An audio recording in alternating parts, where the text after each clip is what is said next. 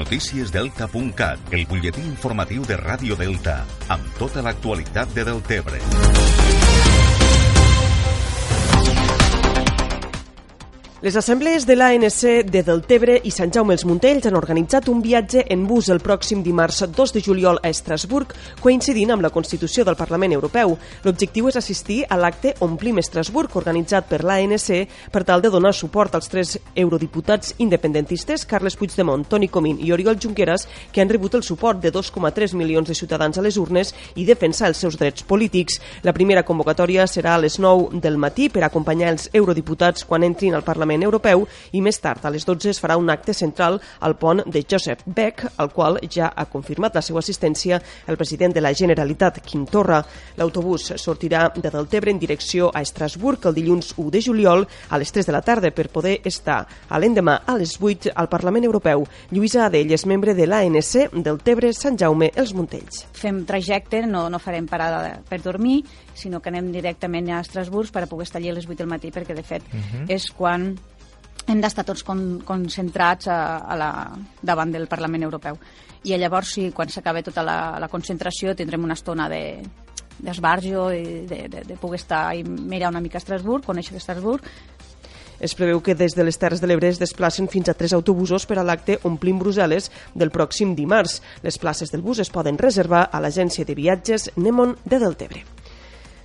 Més qüestions.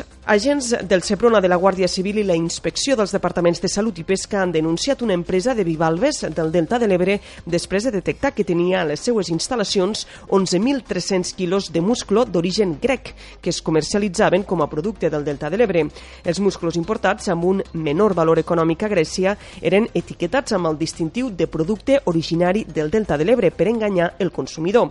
El Seprona, després de detectar el molusc, van immobilitzar el producte projecte a l'espera de la inspecció del Departament de Salut. Malgrat això, l'empresa denunciada va vulnerar esta immobilització i els va introduir al circuit comercial. Davant d'això, l'Agència Catalana de Salut Pública ha traslladat la denúncia a consum perquè actue d'acord amb la normativa de qualitat alimentària per frau al consumidor.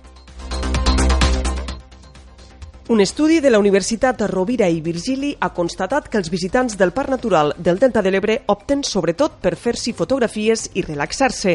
Les dades s'han recollit amb geoinformació voluntària que prové de xarxes socials com ara Wikiloc o de sistemes d'informació geogràfica de participació pública. Les dades de l'estudi han estat aportades per 276 participants durant gairebé un any.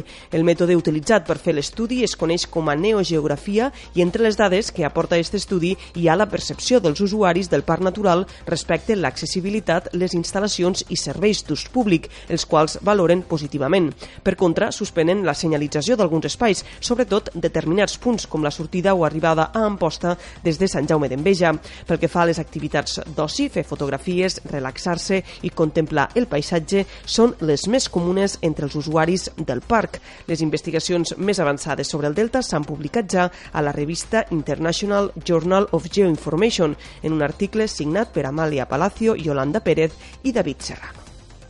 Deltebre viurà demà a la nit una nit d'òpera amb la retransmissió del Liceu a la Fresca, a l'exterior del Centre Fluvial del Delta. El Liceu a la Fresca és una iniciativa del Gran Teatre del Liceu per apropar l'òpera a la ciutadania i obrir les portes del teatre al gran públic. A la pràctica es tracta de la retransmissió en directe d'una de les funcions del Liceu i enguany l'òpera escollida i que també es podrà veure a Deltebre és Tosca de Puccini. Cada vegada són més municipis els que sumen a esta iniciativa del Liceu a la Fresca i enguany serà el segon cop que es realitza a Deltebre. La representació de Tosca serà demà divendres a les 10 de la nit a l'exterior del Centre Fluvial del Delta. I el Consell Comarcal del Baix Ebre ha destinat este curs escolar un total de 9.441 euros a ajuts individuals de desplaçament.